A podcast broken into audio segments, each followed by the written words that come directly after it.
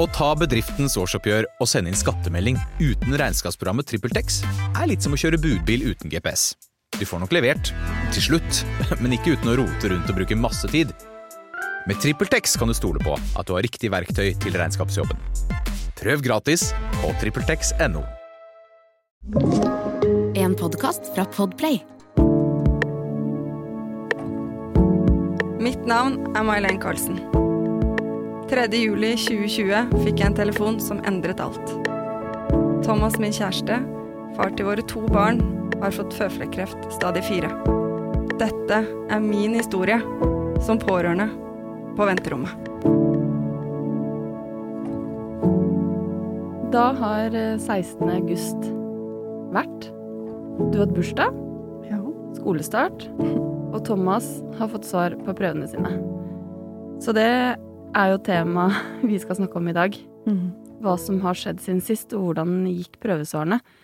Men jeg tipper jo at det kanskje er noen som lurer på hvorfor denne podkasten er startet. For den var jo ikke bare sånn at vi satt der og bare 'Dette er gøy'. Nei, absolutt ikke. Den starta egentlig fordi når Thomas fikk eh, kreftdiagnosen Jeg var for en type som vil vite all fakta. Og det er jo ikke så enkelt å få all fakta med en gang, og faktaen er kanskje ikke der heller. Men eh, jeg får et sånt behov for å høre om noen andre i samme situasjon, eh, og ja, finne info, rett og slett. Eh, og Google er jo et veldig skummelt sted å besøke. Og du Mm. sa til meg ikke google, men hvis du gjør det, så kan du bruke en side, og det er Kreftleks, var det ikke det? Mm. Ja. Så jeg googla og leste mye rart. Holdt meg ikke bare til Kreftleks, men jeg gikk inn der òg. Og der fikk jeg liksom litt informasjon. Der var det også litt um, Hva heter det for noe? Sånn um, statistikk. Eh, om det hjalp eller ikke, det er ikke så godt å si. Eh, det hjalp noe. Men så vil jeg gjerne da finne noen som har eh, erfaring på området. Så jeg prøvde å søke jeg tror jeg hash, altså, søkte inn på Instagram for å finne hashtaggen melanom, eller da føflekkreft. Fant ikke så veldig mye der. Eh, og så prøvde jeg podkastverden og søkte. Og da er det noen podkaster om kreft, men det var liksom ikke helt det jeg ville ha, for de snakker gjerne med den som er syk, Mm. men ikke eh, med de som er pårørende. Eh, så da tenkte jeg, og da begynte vi å snakke, og så kom denne ideen at ah, tenkte jeg så fint å kunne hjelpe andre i den situasjonen. For det er jo egentlig litt sånn utrolig, eh, med tanke på at eh, en tredjedel av oss får kreft. Mm. Så burde det jo være ganske mange pårørende der ute som man kunne snakket med. Og selvfølgelig på grunn av korona så har jo ting blitt mindre, fordi at eh, det har ikke vært den arenaen som har vært tidligere. Men jeg tror jo det med når vi tenker på hva man føler Altså, kreftpasienten blir jo veldig fulgt opp på sykehuset. Du har sittet mange timer i bil. Åh, så lei den bilen. Ja. Sitte utafor hvert sykehus på hver legetime han har vært på, for jeg fikk ikke lov til å være min. Eh, og han får jo informasjon, men hvor mye får han med seg? Mm. Ikke sant? For du hører jo liksom Jeg tror ikke det er så lett å få med seg alt når det på en måte fokuset er ja, kreft, ja, kreft, ja, kreft, ja, kreft. Eh, så når han kom ut til meg og skulle på en måte videreformidle, så fikk jeg egentlig ikke så veldig mye ut av han. Mm. Eh, og jeg burde sikkert vært flinkere også til å ringe legen hans, for eksempel, for å få informasjon der, men jeg klarte ikke å tenke det heller. Mm. Eh, så Og da er vi jo litt tilbake til sånn som det var når vi snakket om sommerferien, da. At man har mye frustrasjon, irritasjon og sinne for, for eh, partner, for, for generelt alt som skjer i hverdagen, som gjelder oss alle. Vi blir alle frustrert og irritert. Men det er jo det vi egentlig fant at det var ingen som snakket om. Fordi hvis man en eh, Hvis man er pårørende og snakker om en som har dødd av kreft, så har jo vi mennesker heldigvis en evne til å kanskje romantisere litt, snakke om at eh, det var tøft, men vi hadde kjærligheten, det gikk bra, vi nøyt hverandre, vi, vi dro på reiser. Eller hvis noen snakker om en som har hatt kreft og blitt frisk, så sier man 'vi sto i det sammen'. Og da står man jo med litt av den der dårlige samvittigheten som du snakket om før. Den blir jo ikke noe bedre når du tydeligvis er det eneste mennesket som blir irritert på din kreftsyke mann. Ja, det føles jo veldig sånn ut, i hvert fall da, som du sier, at det blir så romantisert. Mm. Og det er jo sikkert også litt fordi at de som eventuelt har vært i en podkast og snakket om det, så er det liksom begrensa hvor mye tid man kan snakke om det, og da forteller man jo om at vi sto eh, sammen eh, sto sterkt sammen, ikke sant. Altså, det er ikke rom for kanskje å gå i det dype, da. Mm. Eh, og det er jo derfor jeg tenkte det her er jo en gyllen mulighet til å bidra og hjelpe andre. Og høre at det er ikke unormalt å ha disse følelsene. Mm. Eh, vi er jo bare mennesker, Mm. og vi skal jo fungere. Mm. Og ja, vi har følelser. Det er helt normalt, vil jeg si. Og det er jo ønsket vårt, og med dette er jo også å finne en hverdag med alvorlig sykdom. Og Mm. hvordan finne en balansegang. Og der kan vi jo snakke litt om, fordi Thomas var jo hos, eh, på sykehuset 16. august. Eh, og vi snakket litt om at eh, hvordan føltes det denne gangen å skulle inn på sykehuset? Dere gjør det hver tredje måned. Kan jo starte med å si at det var bursdagen min, da. Så morgenen starta veldig bra. Jeg må jo si at etter et år med det her, så er jeg roligere nå, for man lærer seg å leve med det her. Eh, så morgenen var veldig koselig. Det var sang og kaffe og gave på senga. Så veldig sånn rolig, fin morgen, egentlig. Ungene var gira, både fordi jeg hadde bursdag, det var første skoledag, så de var oppe og nikka tidlig og eh, stelte seg og dro av gårde. Og da begynte vi liksom å snakke litt om at ja, åssen føler vi det i dag? Eh, og da var vi Vi hadde liksom eh, troa på at det skulle gå bra, men du tør jo aldri helt å være overpositiv, for da blir fallhøyden ganske stor hvis eh, svarene er dårlige. Eh, så, men vi var ganske rolige, men jeg kjente når vi gikk inn på venterommet på Bærum sykehus, så kjente man hjertepumpa. For Mm. da kommer også litt sånn følelsene tilbake av andre ganger du har sittet der og da fått dårlig svar, da. Eh, så, men hun er veldig flink, hun legen, for hun går veldig rett i ja, nå er dere sikkert spent på svaret. Skal ta, gi dere det med en gang. Så det er veldig fint at de gjør det, for da slipper du liksom å vente. Det er jo ikke noe eh, Men nå må vi vente, da. Fordi Ja. nå snakker du sånn som andre Ja, gjør, som er irriterende. ja? Hva var svaret? Han er kreftfri fortsatt, så det er fantastisk. Så det betyr jo faktisk at medisinene har funka, eh, og det er vi jo ekstremt glade for. Eh, og hun sa faktisk det også, det med medisinen, at de, han kan gå på de litt lenger enn et år. Okay. Eh, og det er jo også veldig bra. Eh, spurte litt om hva gjør vi etter det. Uh, det er liksom vanskelig å si, men håpet er jo at det da skal holde seg unna til man eventuelt kan begynne på ny runde da, på medisiner. Uh, men akkurat nå er det fall gode svar, og det er vi jo ekstremt glad for. Men om tre måneder så skal han jo få ta nye bilder og få nytt svar igjen. Mm. Så som jeg sier, at jeg har blitt mer vant til det her nå. Så jeg er roligere. Jeg tenker ikke nå i tre måneder og, på hva resultatet blir om tre måneder. Jeg har blitt flinkere til å slappe av på det. Men det vil jo bli spennende om tre måneder igjen for det. Mm. Eh, men nå kan vi jo glede oss over det her, da. Har, eh, har, har du og Thomas klart å glede dere over det? Altså Ikke tidligere. Nei. Nei. Det er igjen noe man lærer seg til. Mm. Klare liksom å pakke de Legge det ned i en skuff, som jeg lærte av psykologen. Ja. Du må på en måte prøve å filtrere, prøve å dele opp eh, hva er viktig å tenke på, hva kan du spare, på en måte, for det er ting du ikke får gjort noe med. Det er jo ikke noe vits å tenke på. Men det er ikke så lett. Det er lettere sagt enn gjort. Jeg kjente jeg ble ganske sint på han psykologen han sa det. Mm. Men man klarer faktisk å lære seg til det. det. Men i det året som har gått, så har det vært utrolig vanskelig. Mm. Det har liksom vært hovedfokus i hodet hele tiden. Du analyserer, tenker hele tiden på hvordan blir dette her. Eh, men eh, nå det ganske rolig nå, egentlig, altså.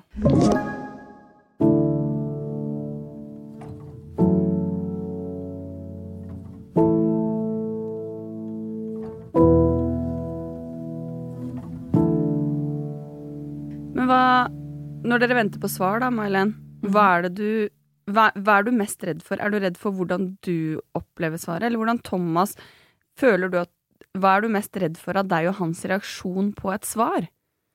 Sånn med en gang så tenker jeg jo på meg selv, for å være helt ærlig. Eh, men eh, det er jo egentlig hvordan han reagerer, fordi det her vil jo gå utover eh, utover humøret hans, selvfølgelig.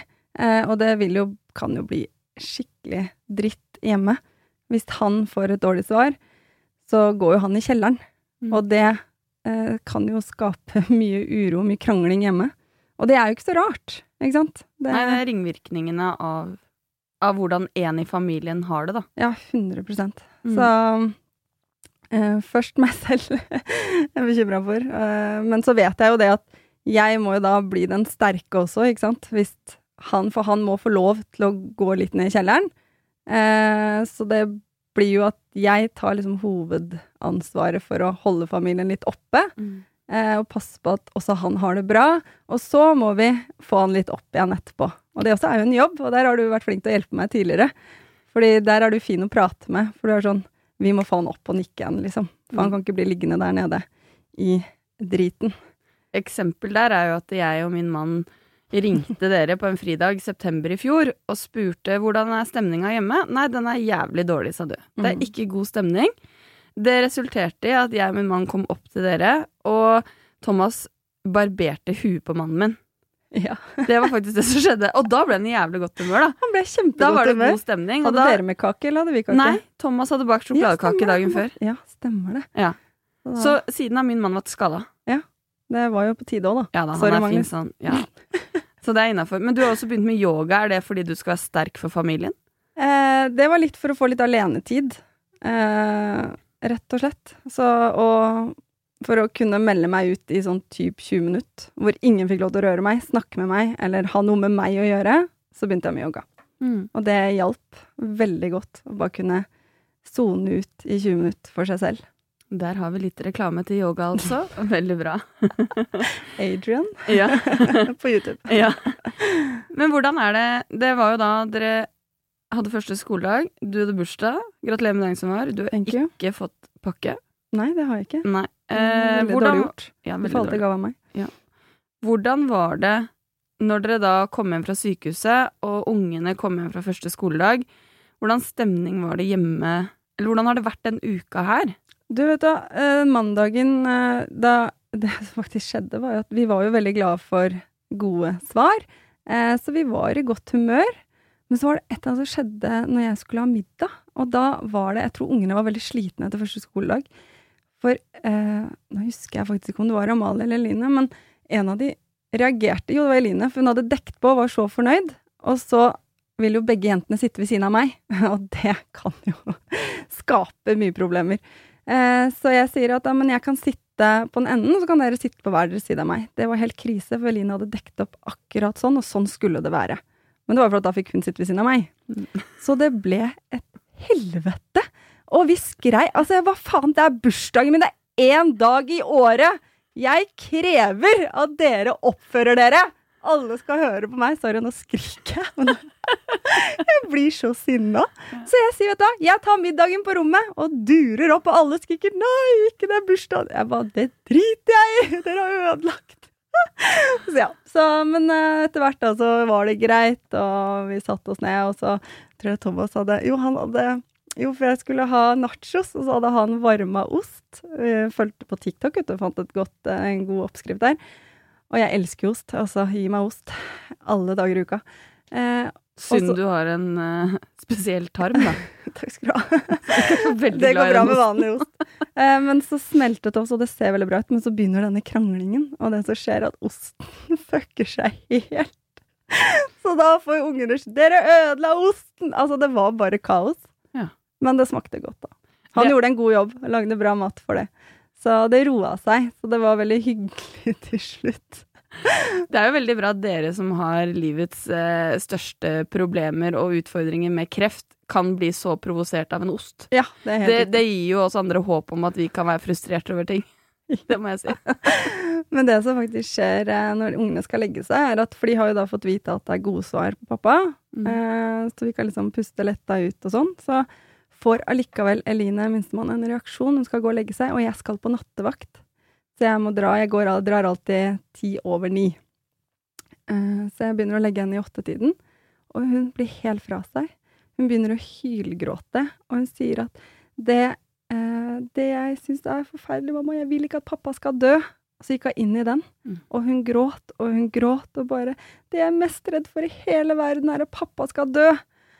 Og jeg bare, men nå har vi fått gode svar, og selv med gode svar så kan hun reagere sånn. Og hun gikk så inn i det. Og når jeg drar ti ni, så er hun fortsatt ikke ferdig med det. Så Thomas må legge seg i senga med henne da, og trøste henne, og hun måtte sove der. Og det jeg tror det tok litt tid før det ga seg, men det er så hjerteskjærende. Mm. Og jeg klarte ikke å få henne ut av det. Hva sier du, liksom?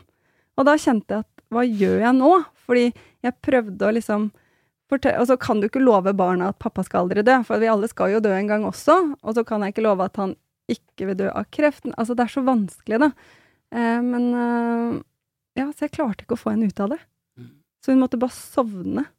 Så jeg tok faktisk og sendte en melding til en helsesykepleier og fortalte om dette her, da. Så hun eventuelt kan snakke med Eline om det. Og det sa jeg til Eline òg, at dette er jo en ting du også, kan ta opp med helsesykepleier. For, å få litt hjelp, litt mekanismer til å, hvordan komme seg ut av det. For hun klarte ikke å komme seg ut av det. Hun bare gråt. Og det er jo Altså, Eline begynte jo i andre klasse, har fått ny Mm. klasseforstander, og Amalie begynte i femte klasse. Mm. Og jeg tenker jo at det var veldig bra det du gjorde ved å ikke lyve til barnet ditt. Mm. Fordi den, det hadde de ikke glemt. Og det er viktig å stå i sannheten. med. jeg tror jo også at det å si, når hun er i den gråten, Mm. og si at 'jeg er også redd for at pappa skal dø'. Ja, Jeg forstår jeg at du er redd for at pappa skal dø. Og så tenker Mm. jeg, komme ut av det. Av og til så må vi få lov å være i det òg. Og jeg tror det er så viktig det du gjorde der, ved Mm. å ikke lyve. Nei, bare trøsta og Ja. og sa at jeg forstår det. Og gi bekreftelse Ja. på at du også forstår at hun er redd. Og Mm. eh, det er jo alle disse tankene, sånn som vi snakket litt om, at han ble operert her med plastisk kirurgi, og jentene gikk litt tilbake igjen til første Mm. operasjonen han hadde. Mm. Det er ikke rart, fordi de følelsene de har hatt, de dukker opp når kreft blir en, et tema ikke sant, i hjemmet. Mm. For man har, vi snakker jo om dette med hvor mye plass skal kreften få i vår familie. Den har så mye plass, at, men vi har en viss mulighet til å ordne for oss selv hvor mye rom den skal ta. Men på sånne dager som da mandag 16. august, så tar den jo plass. Mm. Og man reagerer forskjellig. Man gjør det. Det er ellers veldig sjeldent det her skjer, da. Men det har jo vært noen ganger. Og når jeg har kjørt Det er faktisk en ting jeg skal lære om, men Eline har jo noen ganger vært Men jeg har kjørt Thomas til sykehuset, og vi får ikke lov til å være med inn ja, når han skal legges inn for operasjon. Da har vi kjørt hjem igjen, og da gråter hun hele veien hjem i bilen. Er helt fra seg, for hun vil ikke at pappa skal være på sykehus. Det syns hun er helt forferdelig. Men det er på en måte glemt hjemme når vi kommer hjem, men det er noe med der hun ikke takler så godt, da, og det forstår jeg jo. Hun eldste tåler det bedre. Men hun kan også kommunisere lettere med, da. Hun blir jo ti. Så hun på en måte forstår det litt. Samtidig som at det er sikkert ikke alt hun forstår, men det er litt lettere. Hun kan iallfall snakke med, da. Eline går rett i gråt. Barn, barn forstår så utrolig mye mer enn det vi vet. Ja. Og det er jo min erfaring også ved for, for, for foreldre. Så er det dette når man skal fortelle barna at en er syk. Mange kan si nei, vi venter med det, vi tar det ikke nå. Vi stopper. Vi skal skåne barna. Men det vi egentlig gjør, er jo å skåne oss selv. Fordi når vi forteller det til barna våre, så må vi forvente spørsmål. Det blir snakket om og du kan ikke lenger legge lokk på det eller late som at det ikke fins. Og det jeg har erfaring på, er jo at eh, når barn endelig får høre om det, så kan man ha spurt barna eh, har du lagt merke til noe? Har du skjønt at det har vært noe med mamma eller pappa? Og så har barna kunnet svare mamma er hjemme hele tiden. Jeg får mye penere matpakker. Mamma og pappa holder mye mer hender. Dette har de observert og sett. Så jeg tror at det å si at barn ikke forstår eller får med seg, er mer en, en mekanisme vi har som voksne for å ikke måtte bli konfrontert, enn hva de For de skjønner så ufattelig mye mer enn det vi vet. Det har jo vært veldig fint for meg, at du kan dette her så godt, da. Og vet og har erfaring på dette området. Fordi dette har jo du fortalt meg. Ikke sant? Mm. At det er viktig at du må fortelle barna det. Og jeg har jo på en måte hatt en tanke at jeg vil det, men det hjelper jo også at du sier det. Også at det er riktig å gjøre det, da. For det er jo ganske um, heavy shit å skulle liksom fortelle barna om dette her. Så jeg kan jo kanskje forstå noen som ikke ønsker det. Men det er veldig lurt. Jeg vil anbefale det. 100% Å snakke med barna om det. Være ærlige.